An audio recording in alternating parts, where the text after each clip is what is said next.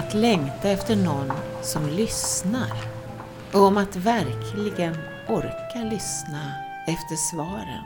Du lyssnar på Eva Lejonsommar. Jag pratar ibland med Gabriel och ibland med en gäst. Välkommen!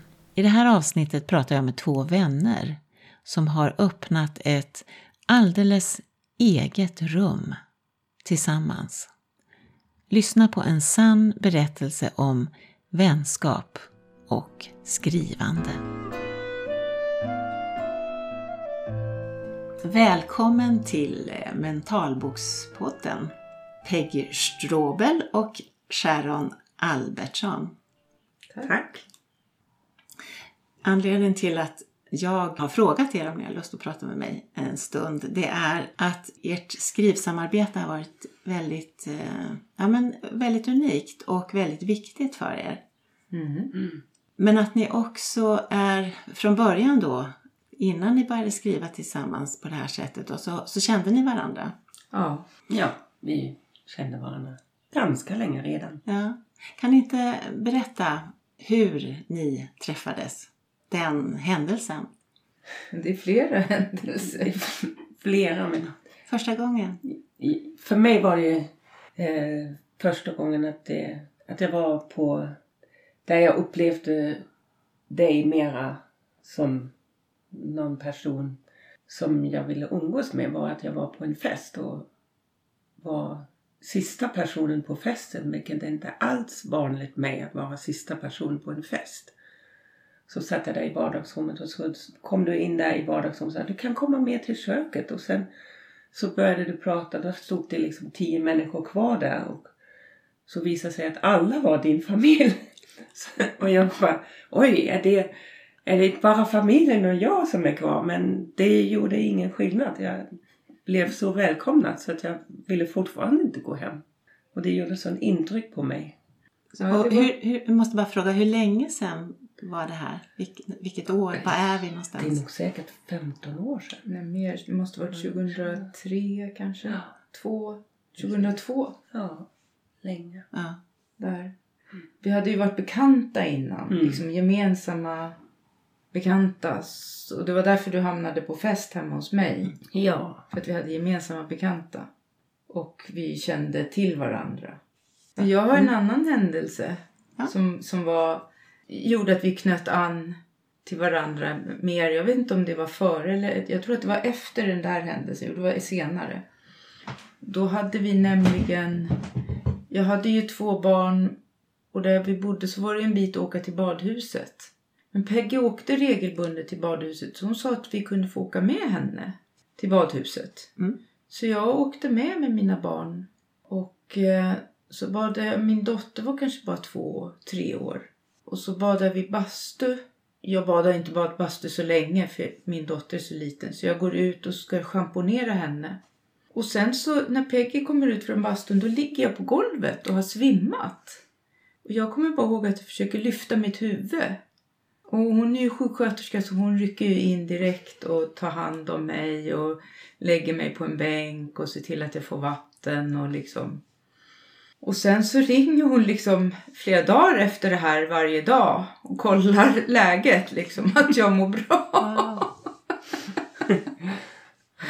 Ja, Just det. När vi väl har fått en patient. det var lite sådär att någon verkligen följde upp också så. Ja.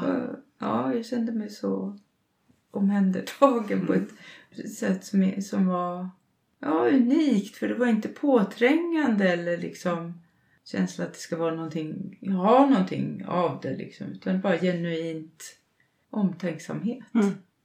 Så det, det är två ganska olika men väldigt distinkta minnen Mm. som, som där ni daterar att okej, där på Mm. något sätt startade.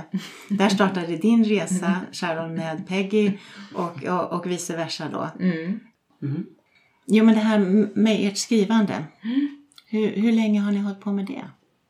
Eh, det är nog fem år nu. Mm. Det är det. Vem var det som kläckte den idén? Ja, det var... Det tillhör att vi har träffats under en längre period. Sharon hade på den tiden en hund och vi träffades en gång i veckan för att gå med hunden en promenad och då passade vi alltid på att prata där. Och då var det någon gång som vi gick och pratade och så, så var det någon av oss som började, kommer inte ihåg vem.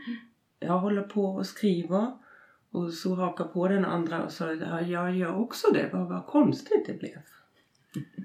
Att vi hade i princip på nästan samma tid börjat skriva på varsin material. Eh, men jag vet att det var Sharon som tog initiativet att vi skulle ha en skrivhelg. Mm. Men då, då var det här första gången som ni fick höra att den andra skrev. Mm. Mm. Och då kom du på att vi ska ha en skrivhelg. Mm. Precis. Jag har ju svårt att komma till skott att sätta igång. Mm. Så jag såg chansen att få lite skjuts där. Att om jag liksom avsätter en helg med Peggy för att skriva då kan jag inte liksom hålla på med massa annat. Nej. Då är det ju det. Mm. Ja. Så, så det är ett vinnande koncept, låter det som. En Jag lite komma bort hemifrån också. Mm. Liksom, så att jag har bara det. Mm. Och en skrivhelg låter det som att det har ni fortsatt med den. Mm. Det, det är fortfarande så att det är Sharon som är drivande till att vi ska ha fler skriver. Men jag är, jag är inte någon som säger nej till sånt. Eh, Så, men det är liksom initiativet till det var, det var Sharon. Eh, Mm. Och så sa jag, men visst vi kan ha en skrivhelg till. Och vi kom in i någon Mm. rytm ganska snart. Att vi träffades varannan månad, en helg. Och sen var det återigen att du sa att vi ska gå en skrivkurs. Ja. Föreslog att vi skulle gå en sommar, sommarkurs. Och en vecka då. Ja, det är väl fem dagar. Mm. Ja. Så det har vi gjort två, två gånger. Ja, jag Så- sa aldrig nej. Så att, Eh, Det låter som, Sharon, att om, om det inte hade blivit de här helgerna eller sommarkurserna Mm. så hade det inte blivit kanske... För min del Så hade det- inte blivit någonting Nej. kan jag säga. Skrivande. Mm.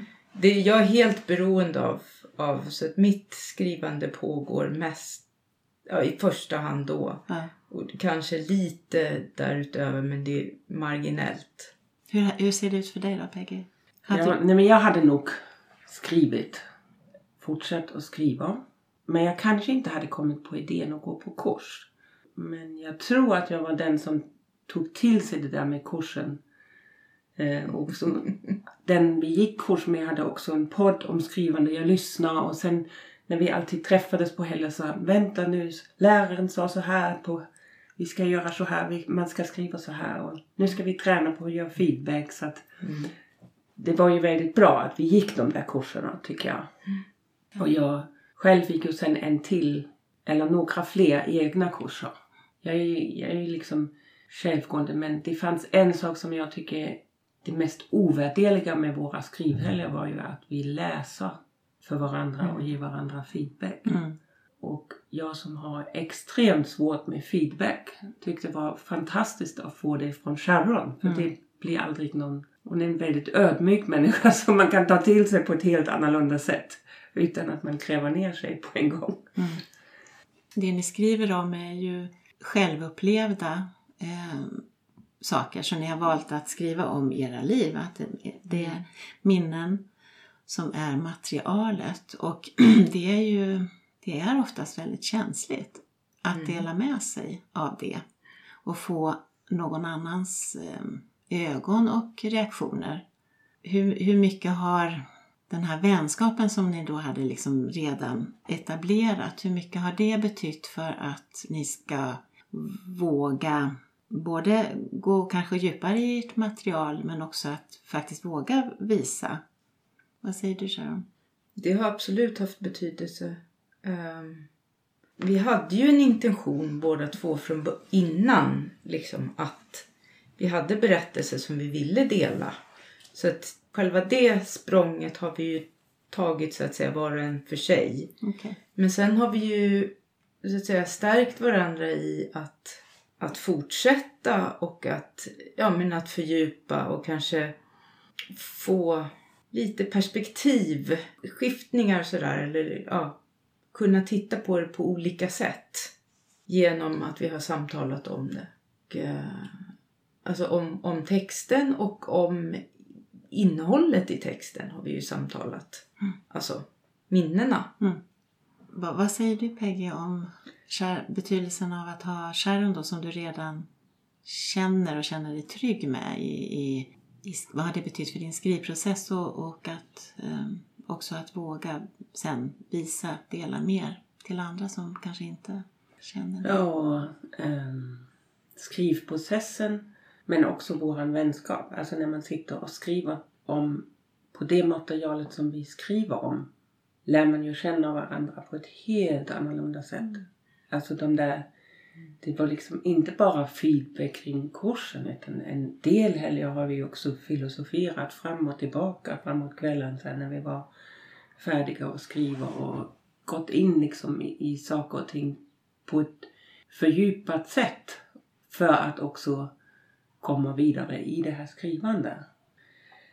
Jag tror att vi har ju också lärt oss den här vägen med att ge feedback så att man också kan skriva på djupet och vi har ändå inte gått in personligt. Vi har verkligen gett feedback på det här skrivande. Att, Mm. att det har inte funnits någonting, men skriver du så här eller tänker du så här? Utan snarare, ja men den här personen, det blir lite otydligt. Eller den här karaktären, eller tänker du verkligen skriva? Att det har varit liksom... Och det har ju drivit fram en process att också komma in på djupet på sitt eget material. Mm. Den här metoden då som du, du beskriver lite grann att ni just pratar om texten och karaktären och det, det är ju någonting som man brukar understryka i skrivgrupper där folk inte känner varandra så väl. Men eh, var det någonting som ni liksom intuitivt eller det, det, så gjorde ni rätt från början eller har ni, hur, hur har det gått till? Jag tror att det har varit intuitivt att det har varit så från början. För att vi har liksom på något sätt haft en ömsesidig respekt liksom för varandras process och material. Mm. Sen har vi ju med tiden blivit modigare i att ge feedback. Kanske var mycket försiktigare från början. Mm. Och vi har blivit modigare att liksom, ja, men, kunna ge lite tuffare liksom, motstånd. Sådär, eller ifrågasätta lite sådär. Ja, här är någonting som inte jag riktigt förstår. Och hur skulle du liksom vilja, kan du utveckla det där? Eller här blev det lite otydligt. Eller det var så mycket prat så jag förstår inte. Alltså, alltså någon kommentar som är, är att vi vågar vara lite modigare. Eller också inte bara vågar utan att vi också lär oss att se. Kanske egentligen framförallt det att vi har blivit skickligare. Bättre läsare? Ja, ja. Men sen också som en process att nej men kanske i början när vi gav feedback så kunde det hända att i alla fall jag ibland var tvungen att ringa. Var jag för hård nu? På lite så här eh, rädsla. Men sen släppte det och nu kan vi liksom bara ta det. Och, och för mig är det liksom omvänt. Alltså att ge det är liksom inte det lättaste från början. Men nu har vi lärt oss den processen men också att få och ta emot och se att det inte är personligt utan det handlar liksom om det här skrivande. Jag har liksom lärt mig mycket att bättre ge feedback och bättre kunna ta emot. Mm. Jo, men det så känner jag också. Och då är även utöver det här skrivande. Jag fick lära mig att det är inte farligt att ta emot feedback. Jag kommer inte dö av det. Det är en stor sak att lära sig det. Ja, verkligen. Ja. Ja. Upplever ni att det är skillnad mellan ert jag i, i texten, textjaget som ju då berättar en historia, och det privata jaget? Skulle du säga till exempel när du läser Sharons textjag, äh, har du lärt dig känna på något sätt en annan dimension av, av äh, Sharon som inte... Ja, på en del områden har jag nog lärt känna Sharon på ett helt fördjupat sätt. Att mest kanske liksom att... Nej men lite som att man... Jag tror att vi har lärt oss lite att läsa av varandra på något plan. Att aha, blir det så där för dig? Liksom. Och, och Alltså en del texter som du har skrivit så är det liksom, jaha ser det ut sådär i din hjärna? liksom Mm. så här. Och det är liksom fantastiskt att man verkligen lär sig att förstå någon annan Mm. och någon annans perspektiv. Utan att det behöver liksom vara obehagligt, utan att jag behöver må dåligt över det, utan just bara, aha, på det här sättet. Jag, jag tror att våran skrivprocess har lärt mig mycket om empati som är en, en sund empati. Mm. Ja, jag håller med. Absolut. Om, om vi nu går över till lite grann i alla fall. Vi ska ju inte huvudsakligen prata jättemycket om era fantastiska skrivprojekt. låter så fånigt för de är, näst, de är nästan snudd på klara. Mm. Ni, ni har, eh, det har gett resultat det här som börjar med ska vi ha en skrivarhelg eller att börja och göra allvar i, av, av en impuls att vilja berätta och komma ut med en historia. Och eh, jag har fått lov att ta del av, av era manuskript, jag har läst dem, men i och med att de inte är, de är inte utgivna än Mm. och de är så att säga fortfarande i, eh, i process kan man väl säga med er Mm. så, så tänker jag att, att jag inte ska gå in jätte, jättemycket för att eh, det, det är lite skört. Mm. Jag tänkte börja med Peggys, vi kan ta titeln till att börja med, Mm. på din bok. Det är 89 procent östtysk. Ja. Ja, det, det, det man kan berätta om det är att gränsen mellan öst och väst Tyskland öppnades 89. Eh, Men när jag började skriva den här boken så insåg jag att hur jag än vrider och vänder det så är mitt, min innersta kärna fortfarande 89% östtysk. Med allt vad som jag har fått med mig, vad som har präglat mig. Mm. Så därför har jag valt den. Jag förstår. den. Ja, det, det finns många betydelser i den, precis som du säger, men det är också eh, någon typ av statement. Att någonting som många uppfattar då som ett någonting som vi kanske vill lämna bakom oss. En berättelse i alla fall som i, i, i din, ditt fall och i din historia innehåller väldigt mycket av mörker och fängelse och att ta sig ur någonting. Mm. Och att i, i den här titeln också ligger ett att bli tvungen att, eller att du faktiskt också omfamnar det. Mm.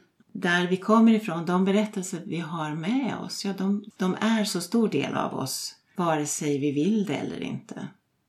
Ja, men det är också, det är inte, jag skulle inte vilja bara säga att det är mörker, det är också ljus som jag tar med. Mm. Och jag tänker väldigt mycket varför jag ville förmedla min historia är att jag tror väldigt mycket på att om vi lyckas alla, var och en för sig, och bearbeta sin historia så lyckas vi på bättre sätt att kunna utveckla oss. Och jag vill belysa det här för att se liksom vad kan det göra med människor och eh, hur kan man göra annorlunda. Det finns liksom tendenser och igenkännande säkert för många människor även i min historia, även om man tror att det är Östtyskland. Men egentligen sättet hur vi ska vara människor till varandra och hur lätt det inte blir att man kanske mycket står om manipulation, hur man har liksom spelat ut människor. Att för mig är det viktigt liksom att det är lätt hänt att det även äger rum här och nu och idag. Och därför känns det viktigt att, att man förstår bearbeta alla era historier för att liksom kunna göra skillnad idag Mm och inte hamna där igen. I början, jag tänkte mm, nämna eller läsa någonting från båda era vad heter det, inledningar, Mm. inledningskapitel. För att där har ni båda med någon typ av eh, förklaring var ni börjar berätta. Vad det var som gjorde att ni ville sätta igång. Och där får vi också som läsare tidigt i texten på en gång liksom veta okej, varifrån är den här berättelsen skriven? Och av vilken anledning? Och vad, vad vill den? Och hur eh, är den skriven också? Det första kapitlet i din eh, berättelse då, Peggy, heter Vi låter henne berätta. Ja, just det. Och då beskriver du den lilla flickan plötsligt kommer till dig med en stark skrämmande bild av hur hon eh, har det just då. Det, det är en uppmaning som du inte kan ignorera utan du förstår så här att på morgonen när du vaknar med gråten i halsen så vet jag i varje cell av min kropp att tiden är inne nu. Det är sista sekunden att ta hand om henne. Annars så skulle hon dö. Mm. Just det. Och sen så fortsätter du att skriva att det känns svårt och nästan oöverkomligt och omöjligt att förklara hur det var för den här flickan som barn. Och så gör du det väldigt, väldigt väl så att jag som har, ja, jag har mitt liv kan följa med i den här helt annorlunda miljön som flickan växer upp i. Alltså annorlunda från min då. Eh, och sen står det också så här, eller du skriver också så här att jag har bestämt mig för att tala, skriva och komma ur mig själv. Varför? Jag vill ge henne en röst, min egen lilla flicka. Hon var som en svamp som sög upp innehållet i allt. Böcker, samtal, möten, minnen, känslor, människor, händelser. Jag vill också skriva om de stora tankarna att förtryck bara skapar förtryck och om förövare och offer. Alla förövare har också varit offer. Men som människa kan man alltid ta ställning på nytt. Jag kan välja att bli förövare, fortsätta att vara offer eller leva livet. Så jag vill tala, tala ut helt enkelt. Och så skriver du att a- anledning till varför du vill fästa det på pränt är för att det inte ska försvinna. Och så avslutar du med att skriva så här att jag har ju alltid haft mina egna tankar om världen. Och nu är det dags att skriva ut dem. Tankarna är, var och förblir alltid fria. Mm. Det är otroligt starkt. Jag blir så här, börjar nästan grina när jag läser det. Sånt, yes. Ja. För det är ju, det är ju så. Liksom, Att man, är, man har alltid en frihet att tänka själv. Det är någonting viktigt. Och, och förhålla sig till saker och ting på sitt sätt. Till allting. Även om det är så att man blir nedtystad. Så det är jag helt övertygad om. Så därför vill jag också skriva. Den här eh, lilla flickan då som var du. Bli, du beskriver ju i, i din berättelse hur hon, eller hur du, ska jag säga hon eller du? Ja, det Vilket spelar ingen roll. Nej, vi kan säga den lilla flickan. Hon. Hon är från tre, nej förlåt, från åtta veckors ålder till tre år. Mm. Så är hon på veckodagis som det heter. Och hon är på ett stort, enormt kvinnofängelse i Östtyskland där din mamma är anställd som fängelsevakt. Mm. Och jag har googlat eh, på den här, det här fängelset och det är ett jaktslott från 1500-talet. Mm. Enormt stort, alltså fyra våningar, jättestort och på någon typ av, ser det ut som något högt berg också. Ja, det är på ett högt berg. Ja. Mm. Stolberg Mhm. i Sachsen. Ja. Ja. Precis. Och det var liksom en, ja, en plats som för mig, att jag liksom var alltid tvungen att återvända. Det var liksom... Jag har ju flyttat till Sverige eftersom jag sitter här och pratar svenska. Ja. Men jag har liksom alltid någon gång då och då varit tvungen att återvända och smugit runt där och frågat mig själv, vem är jag? Varför, varför kom jag till just här? Var- och just som du säger så ligger ju den där platsen, det ligger på ett berg. Och när man bara kör in mot den där lilla byn som är ju verkligen supervackert. Och så, så ser man den där borgen. Och alla människor som inte vet vad det är skulle tycka, åh vad fantastiskt, ett stort slott, slott mitt på ett berg, fantastiskt vackert. Men så är det ju aldrig för mig, utan för mig är det alltid att jag tänker, där är det liksom så här mörka och man ser det här mörka. Från vilken ingång jag än tar till den där byn så ser man den där stora borgen. Och, och jag har alltid förvånats att folk kan, kan bara bo så nära där bredvid och leva ett vanligt liv. Liksom. Jag skulle aldrig kunna bo där igen. För vad är det förresten nu? Är det idag? Ja, det, det var länge fortfarande ett fängelse. Sen till slut så öppnade de och nu ska de göra någon slags center för att ja, bearbetning av historien och lite museum och olika saker.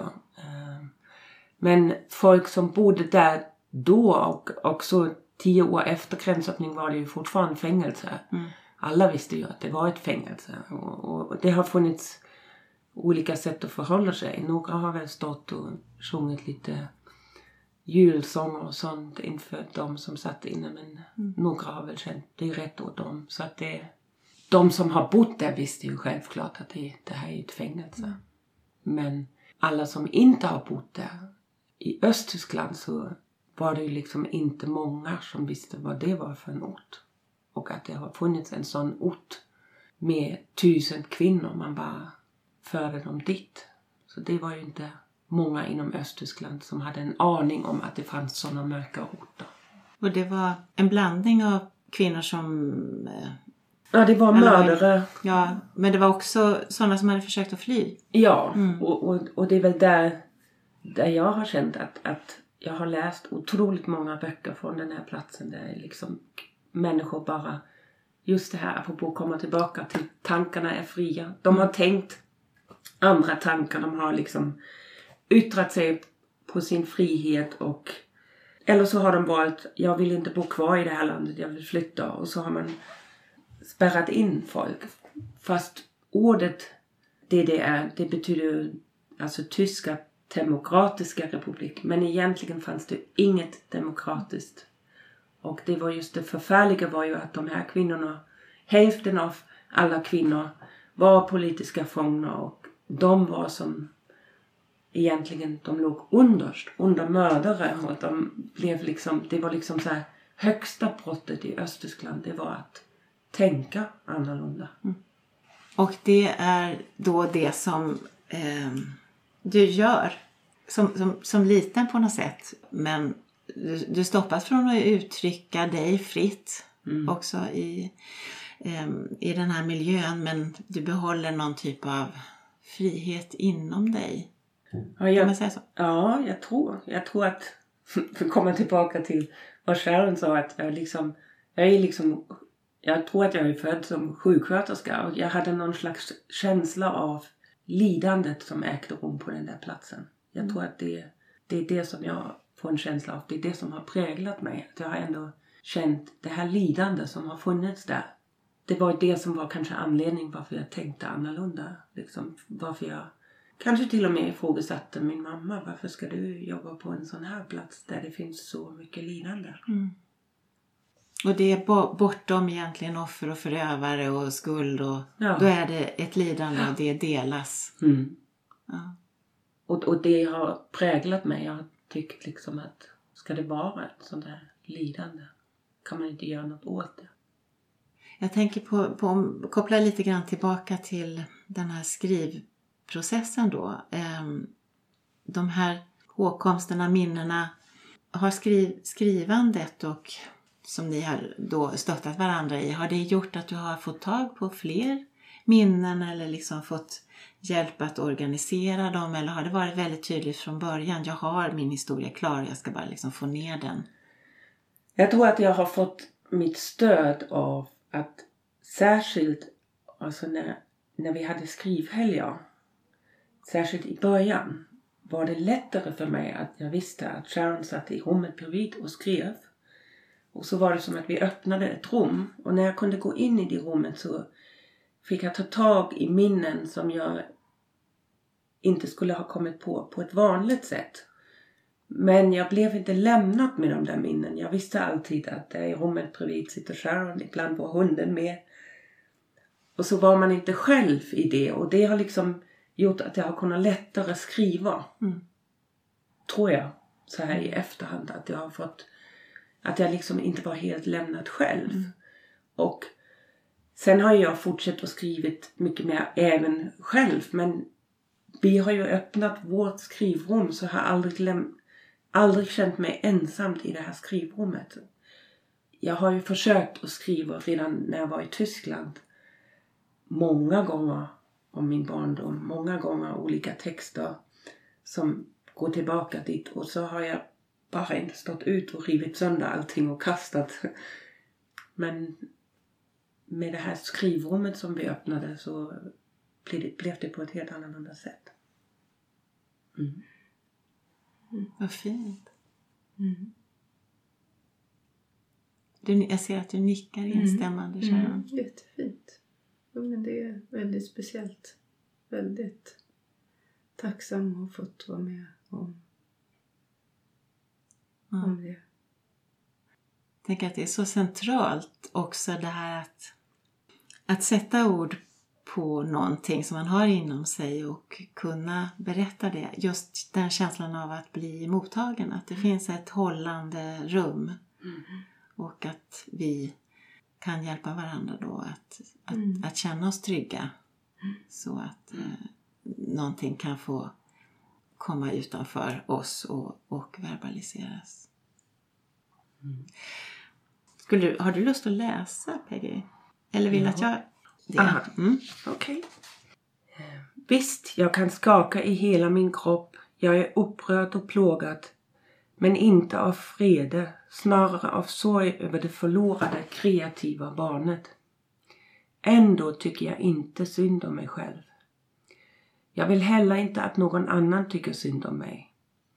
Om något, någon gör det känner jag mig förtryckt och inte tagen på allvar för mina förmågor. Jag fick något annat istället, en ovanligt gåva. Det outtalade, den enda förmågan jag kunde ha för mig själv. Jag kan läsa av människor, situationer och känslor och jag har utvecklat ett nytt sinne. Precis som blinda som kan höra mycket bättre än vi seenden. Jag har utvecklat en intuition som är skapsynd. Så att jag är mera skyddad än de flesta andra. Jag vet när saker och ting ska hända och jag reder ut det mesta i mitt liv. Utan att jag egentligen vet hur jag gör. Jag är inte rädd för att klara av svårigheter. Jag söker mig snarare till dem. Och jag vet innerst inne att det är inget jag kommer att dö av. Det gör mig krissäkert. Jag är utrustad för katastrofer. Och jag är mindre ömtålig trots min extrema känslighet. Mm, tack. Jag, ty- jag tyckte det var så talande det stycket för att ehm, det, det, det som vi inledde, eller som du inledde med att säga också, det här att kan vi gå igenom våra svåra berättelser så finns det också en, en gåva i, i det. Och det här är ju en av de gåvor som, som du har fått Mm. också.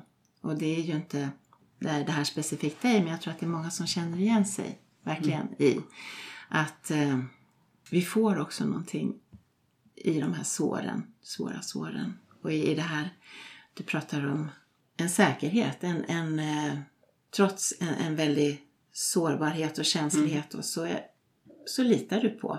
Du, du kommer att landa på fötterna. Och det är du 100% säker på, för det bara vet du. Ja. Ja, precis. Vad säger du, Sharon? Ja, det, Stämmer det? det? Det stämmer.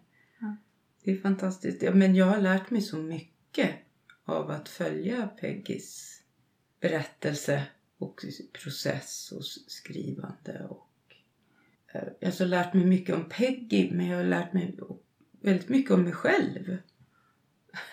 Ja, Liksom, och, och fått ja, nya perspektiv. Ja, kanske precis som det här beskrivet. Vad, vad är styrka?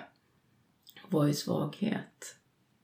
Ja, någonstans skriver jag i min text att motsatserna i sina extremer närmar sig varandra. ja det, det kan jag hålla med om själv. Och, och det är fascinerande att när man går tillräckligt långt just Mm. åt ett håll så, så slutar det, eller så, så, så kommer dess motsats in. Mm. precis. Men jag, jag ska bara avsluta och säga att just det här som, som du nu läste upp då, det pratar du också om, eller skriver väldigt mycket om också i, i den här texten. Hur den här förmågan eh, också fungerar i ditt liv. Mm. Så att det, är- det är inte bara din barndom du skriver om utan det är hela, hela livet. Hela livet. Ja. det, det, ja, det är en stor, stor berättelse. Mm. Ja. När jag fick den så, var, så stod det att det fanns ett kapitel till Ja. som väntar på att bli skrivet. ja, just det. Mm.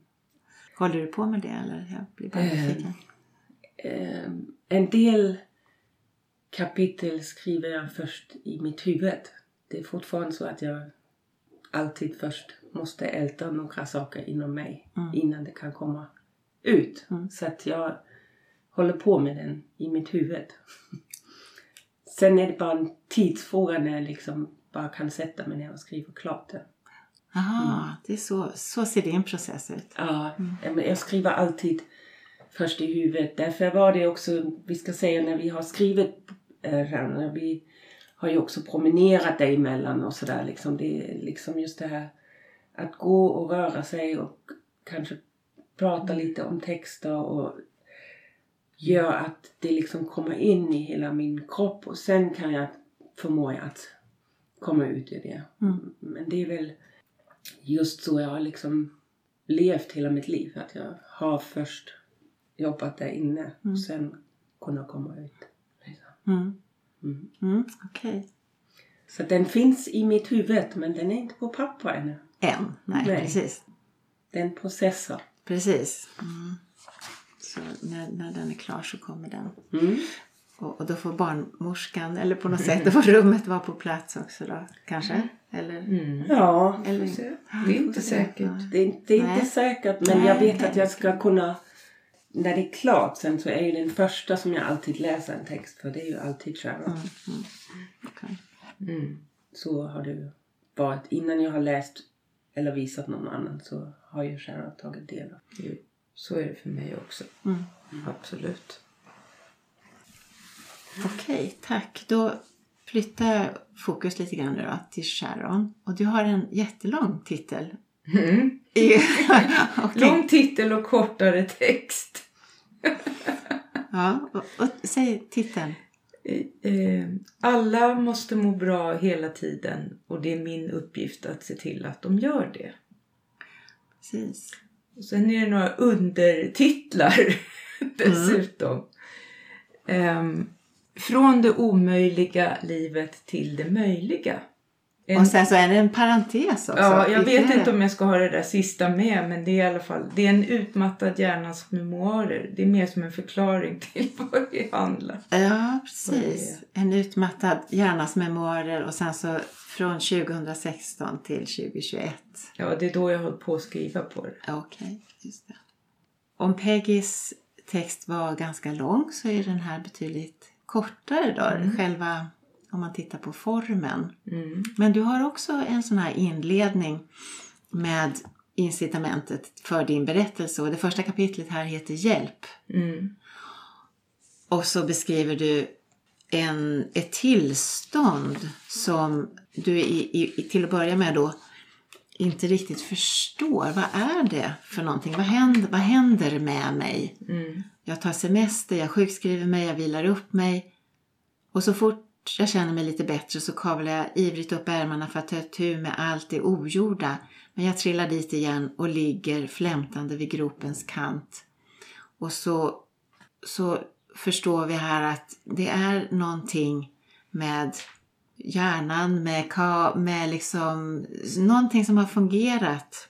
Det, skrivs, det står så här, utmättningen är först en känsla, senare tillstånd. Och det som har varit, det, det som har funkat, jag är ju en stark och kompetent människa men, men plötsligt så händer det saker i min kropp och, och ingen kan förklara. Mm. Jag kan inte få någon hjälp.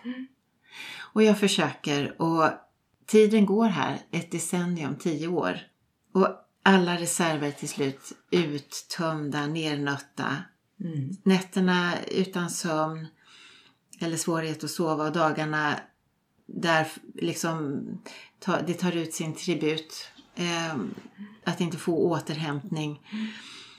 Och sen så efter tio år då så har äntligen sjukvården hunnit ikapp. Det finns en diagnos Mm. och en förståelse för att det här är ett tillstånd som då benämns som utmattningsdepression.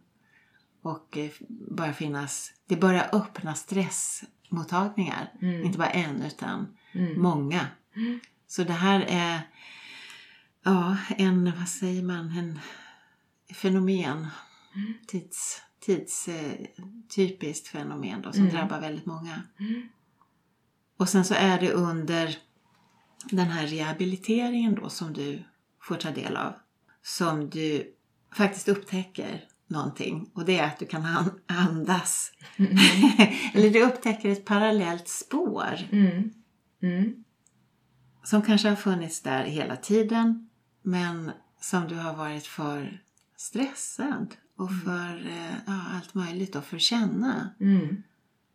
Att det går att leva i, i en, på ett annat sätt men, men, men en normal andhämtning och Mm. ja, ett, en annan utblick egentligen. Eh, och i takt med att du blir mer medveten om, om det här parallella spåret eller bo, både den här inre stressen också för du förstår att den har funnits där länge. I takt med att du blir medveten om det konstanta stresstillståndet så blir du också nyfiken på vad var det nu som förde mig hit? Hur har, hur har historien som ledde mig hit sett ut? Mm. För någonstans kom ju stressen ifrån. Mm. Och då börjar du från the very beginning. Ja, jag började med min födelse. När jag föddes. Hur det gick till.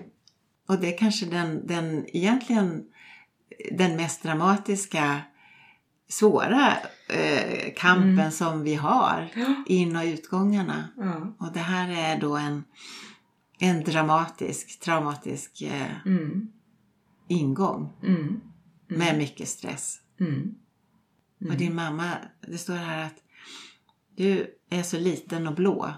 Så din mamma vågar nästan inte liksom ta, Nej. tro att du ska klara det. Nej, hon vågar inte ta mig till sig för hon tror den här, det här, det här kommer inte gå något bra. Nej.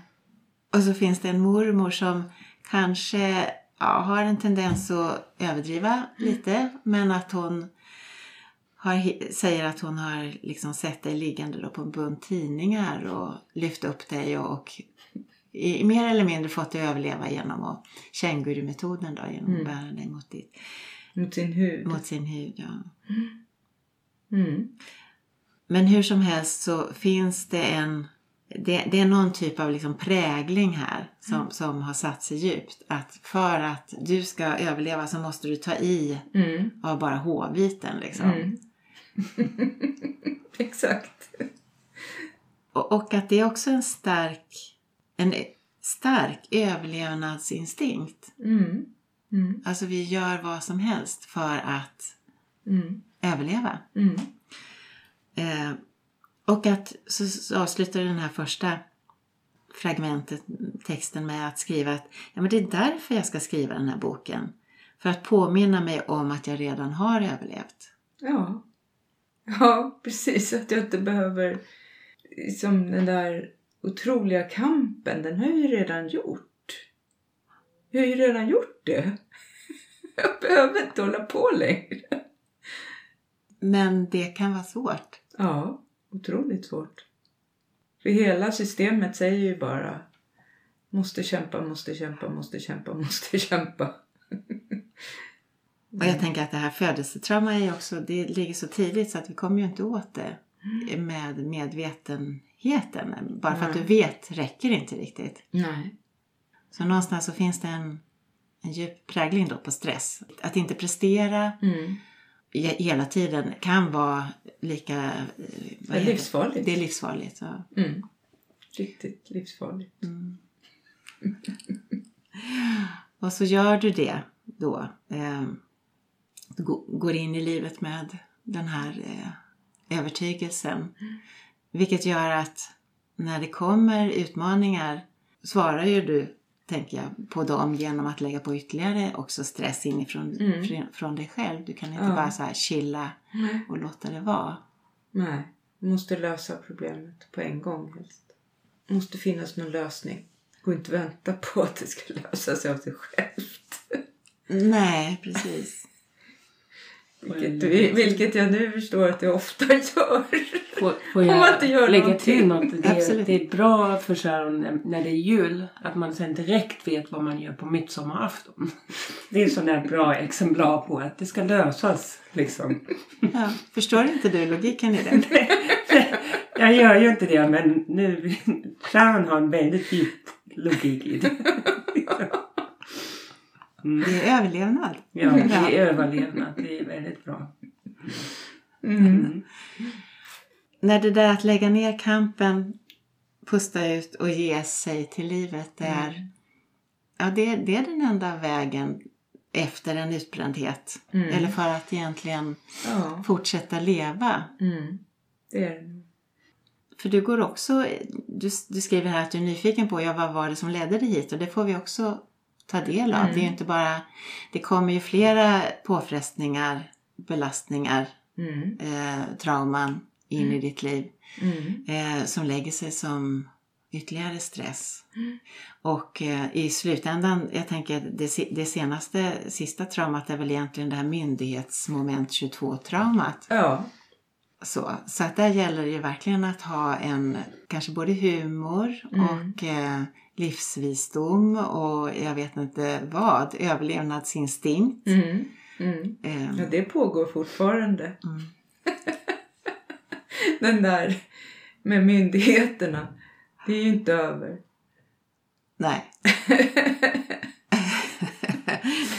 Ja, jag ska skicka in en, en av mina texter här till eh, Försäkringskassan när jag ska ansöka om eh, sjukersättning, vilket min läkare tycker att jag ska göra. Mm. Alltså ansöka. Och Försäkringskassans handläggare tycker också att jag ska ansöka om sjukersättning. Men när jag sökte förut så har jag blivit nekad. Och, Mm. men nu ska jag använda mina författarskills Mm. för att skriva ett riktigt bra brev. Bra. Skicka med en av mina texter som säger mer än ett liksom. Ja men det är poesi kan ju ibland beskriva mycket mer mångfacetterat. Ju. Ja. Därifrån du har skrivit din text är, är verkligen som jag upplever det som ett, ett parallellt spår eller en, en acceptans, inte bara acceptans utan också någon typ av eh, mm, ja, plats där du har gett dig till livet. Det Mm. finns väldigt mycket humor Mm. och väldigt mycket ehm, vishet. Och eh, jag, ska, jag vet inte vad jag ska sä- sätta för ord. För jag tänker också på att som, som rent formmässigt så finns det väldigt mycket mellanrum i din text. Det, mycket, Mm. det mesta är egentligen mellan raderna Mm. och det som inte står. Mm. Och ifrån den, den, den upphöjda eller det där tillåtande tillståndet så tycker jag att du, att du skriver om eh, sånt som du egentligen har med all rätt anledning och skulle kunna bli förbittrad eller gå till storms mot. Men där du lyckas få det här hel 360 graders perspektivet. Där, vi, där det går att se ehm, även till och med myndigheterna med ett, jag ska inte säga förlåtande, men det går att förstå att ja, det är människor som, har, Ja, som, som sitter Ja. där också och, och det kan ibland bli fruktansvärt och absurt och allt möjligt. Men eh, det är så det är, eller det är livet också. Vad roligt att du har läst det. läst in det, att du har... Ja. Finns det någon, för jag tänker på det, det som jag pratade med Peggy om då, en, en vinst i att skriva igenom ditt liv eller liksom skriva om den här perioden. Ja, oh ja. Alltså vinst för mig själv eh, är ju... Alltså jag upplever ju i högre grad det som du säger. Liksom jag kan inte säga liksom att jag kommer ju visa det ur processen eller om man säger än vad jag var innan. Mm. Att det har liksom varit en, en, en läroprocess. Skrivandet har hjälpt mig till de insikter som jag känner att jag förvärvat. Så- Alltså det har varit en del i arbetet för att få de insikterna. Mm. Jag har ju använt skrivande i mitt liv, liksom mer dagboksskrivande. Mm. Som för, för att liksom ja, bearbeta, för att få ordning på tankarna, för att liksom lä- lära mig om mig själv och, och, och liksom förstå Mm. eh, vad jag står i. Och det här är ju ett litet sånt skrivande. Och samtidigt så är det ju skiljer, skiljer det sig ju från dagboksskrivandet. Ja, det gör Väldigt det. mycket för jo, att det har en, en, en annan form Absolut. och eh, du har en läsare här. Och du Ja, har ja. även- Nej, det är inte alls samma sak som på dagboksskrivande. Jag bara menar att jag har använt skrivande på det sättet Ja. tidigare. Och nu har jag ju liksom ställt mig på ett sätt lite utanför, så att säga, min, min berättelse när jag, när jag skriver. Mm. Gör jag ju. Jag gör ju en, en...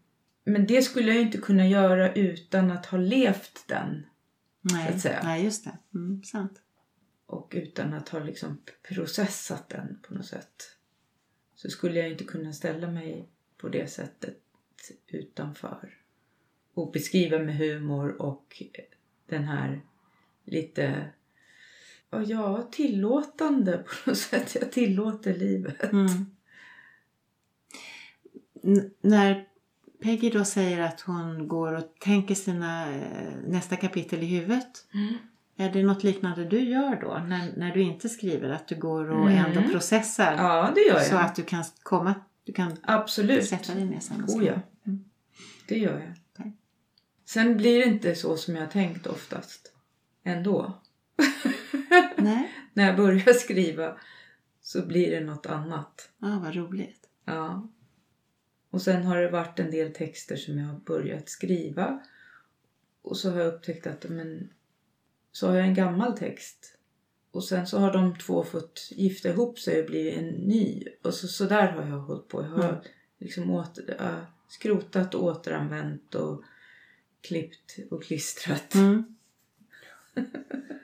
Ja, och det har varit skillnad i vårt skrivande. Det har ju varit så att du har ju också kommit till Mm. mitt vardagsrum och det låg tusende papper runt om och du har fått försökt Mm. att få ihop ordning medan jag liksom bara börjar på en tråd och så bara rrr, så har Sharon Mm. plockat.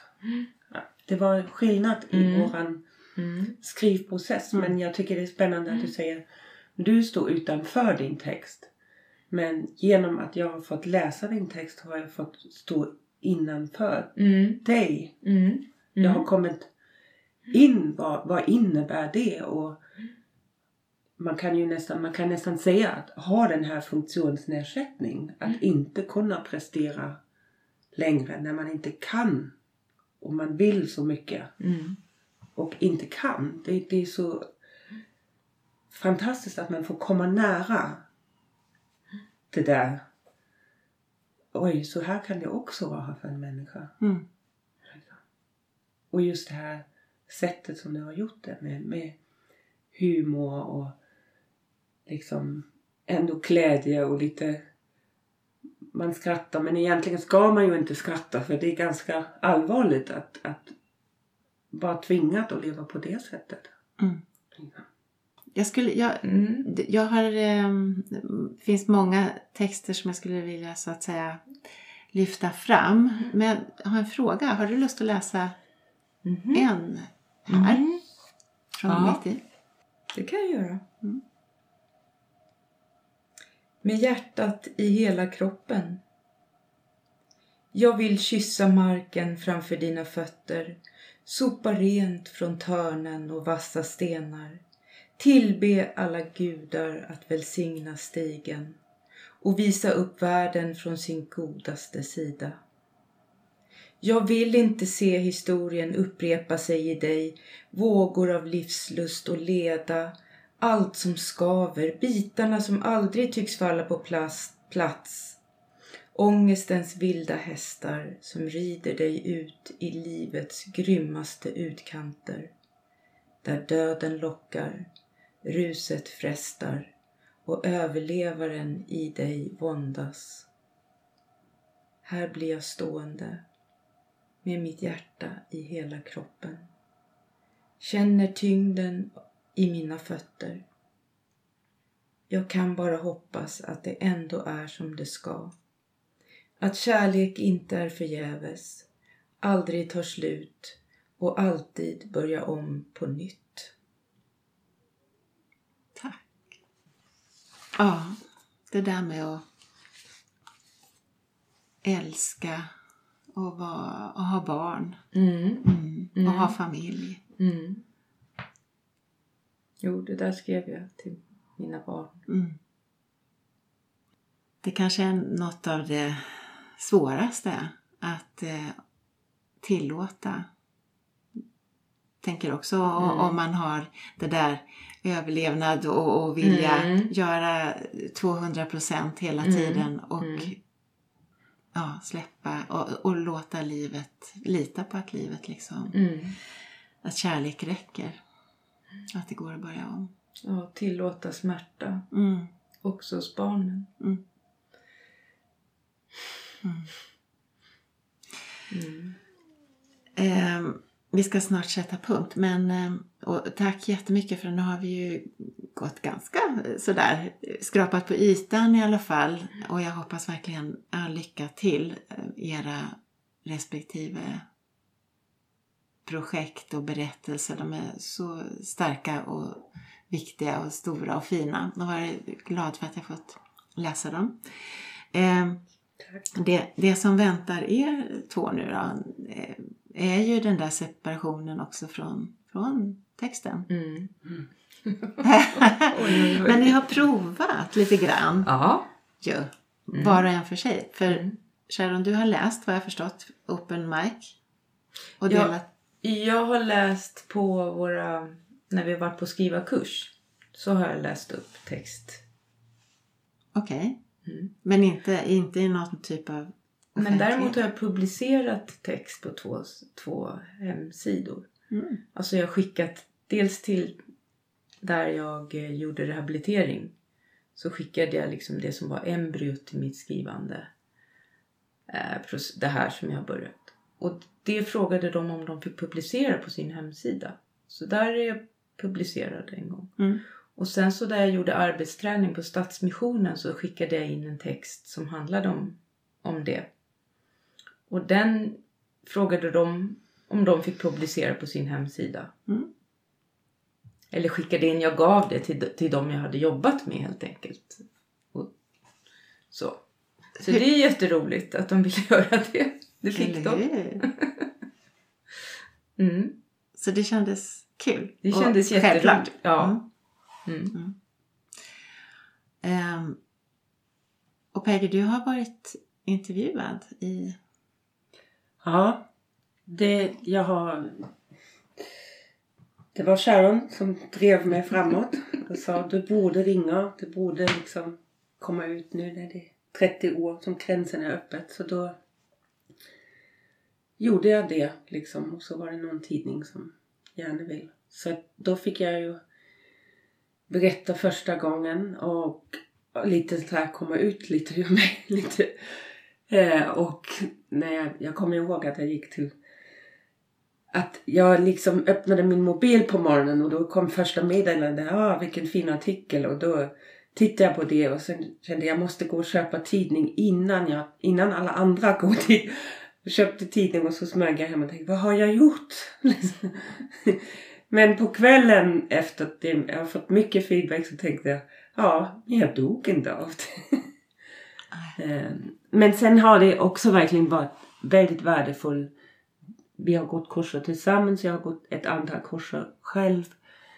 Att träna sig läsa sin text för, för andra människor. Mm. Eh, och våga ta emot feedback.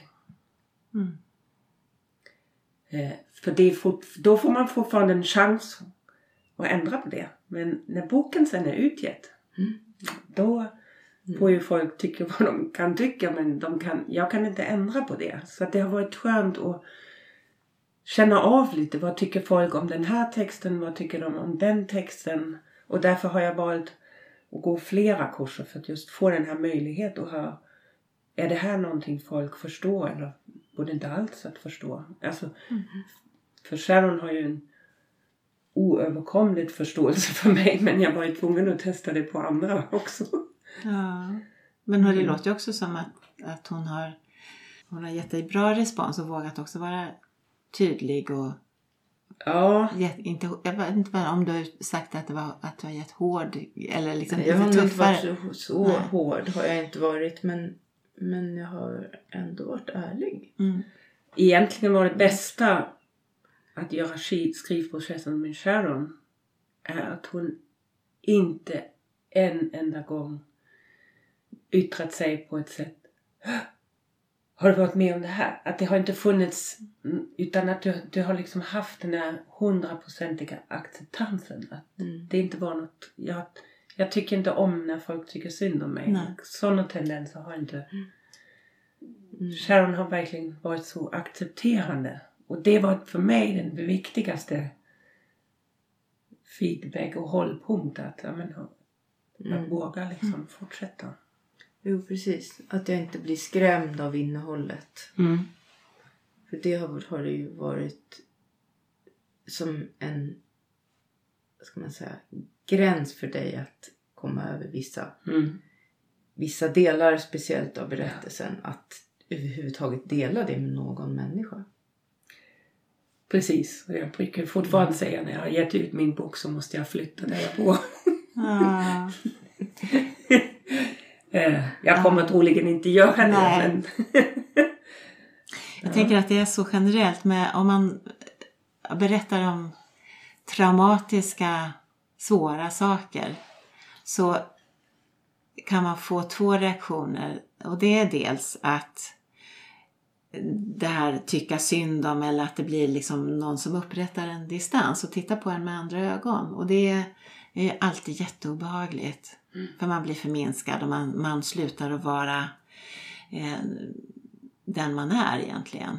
Någon som går att relatera till. Det andra eh, är ju att det finns en väldig tacksamhet. Och det tror jag egentligen är den mer vanliga eh, responsen. Men den, den, eh, det här att vi känner att men vad skönt att någon sätter ord på eh, saker som är svåra att sätta ord på. För att vad trauma gör också, det är ju att det tystar oss och det isolerar oss. Mm. Och det här gäller ju alla, oavsett vad vi har varit med om, så får vi samma respons.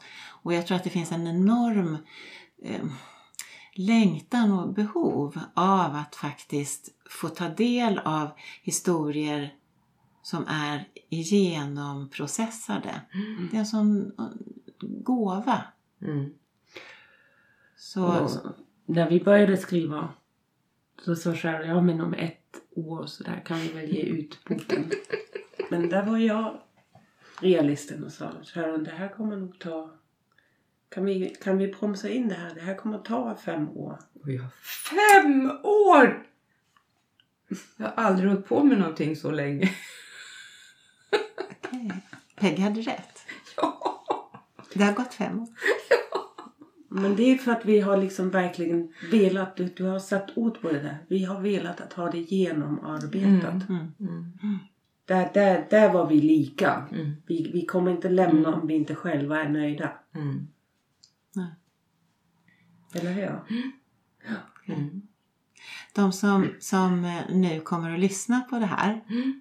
Eh, och skriver och kanske skriver eh, eller vill skriva eller skriver redan. Hur ska de hitta sin Sharon respektive Peggy? Eller hur? Ja.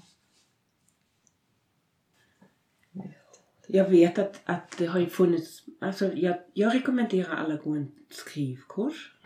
För att jag, vi har ju träffat andra människor på skrivkurs och de har ju hållit på och skrivit Ja. ihop efter de har Mm. Det är sant. hört vad vi gör. Så, att, Mm. Eh, så det är bra att man söker sig till forum där man skriver och då kanske man hittar sin Sharon eller Peggy. Mm. Ja, just det. Just det. Ja, eller alternativt om man är två vänner som har samma tankar att jag vill skriva. Mm. Så börja bara ha en skrivhelg. Just det. Och en skrivhelg med fördel då en helg som man avsätter och där ni gör så att ni lagar mat och ni går Mm. promenader Mm. och ni liksom schemalägger det hela, Mm. har en struktur som ni, och bokar in. Mm. Okej, nu ses vi Mm. om, om, om två månader. Det är också ett sätt att upprätthålla vänskapen när jag har flyttat liksom, och, och bott längre ifrån när vi inte bodde nära varandra. Så var det ju ett sätt att upprätthålla liksom, kontakten. Ja men vi har också vuxit som människor att liksom Mm. umgås de här helger. Mm. Att, Mm. vi har ju liksom, i och med att vi har alltid skrivit och går på djupet och diskuterar så mycket så har vi också kunnat se hur, hur är man som människa och, och har liksom också kunnat ge feedback Mm. på det. Att, Ja, att, men just det här att jag ska jag våga och säga nu att nu vill jag ska, ska jag kliva ut, kan, får jag gå bara promenad, får jag bara vara ömsesidig och sen har vi pratat om det och, och så att det har ju skrivprocessen har ju gett våran vänskap ett djup som, Mm. som det inte finns så många människor som jag har ett sånt djup med. Mm, Man har, jag liksom, vi vet att vi har en vän för livet. Mm. Ömsesidig. Ja. Så är det. Det förstår jag verkligen. Mm. Och det låter Mm. o- oersättligt oavsett vad som, vad som händer nu med det ni har skrivit och Mm. hur, det, hur andra tar emot det. Så det här kan ingen Nej. ju, ta ifrån er. Ja. Tack jättemycket för att eh, jag har fått tala med och för att ni ville prata med mig och berätta om er skrivprocess och era projekt. Tack, Tack. Eva. Tack att vi får berätta. Ja. Spännande. Okej, säger vi så då. Du har lyssnat till ett avsnitt av Mentalbokspodden producerat av Eva Lejonsommar och Författarförlag. Vi ger ut det som inte låter sig diagnostiseras. Följ oss gärna och på egen risk. Författarförlag.se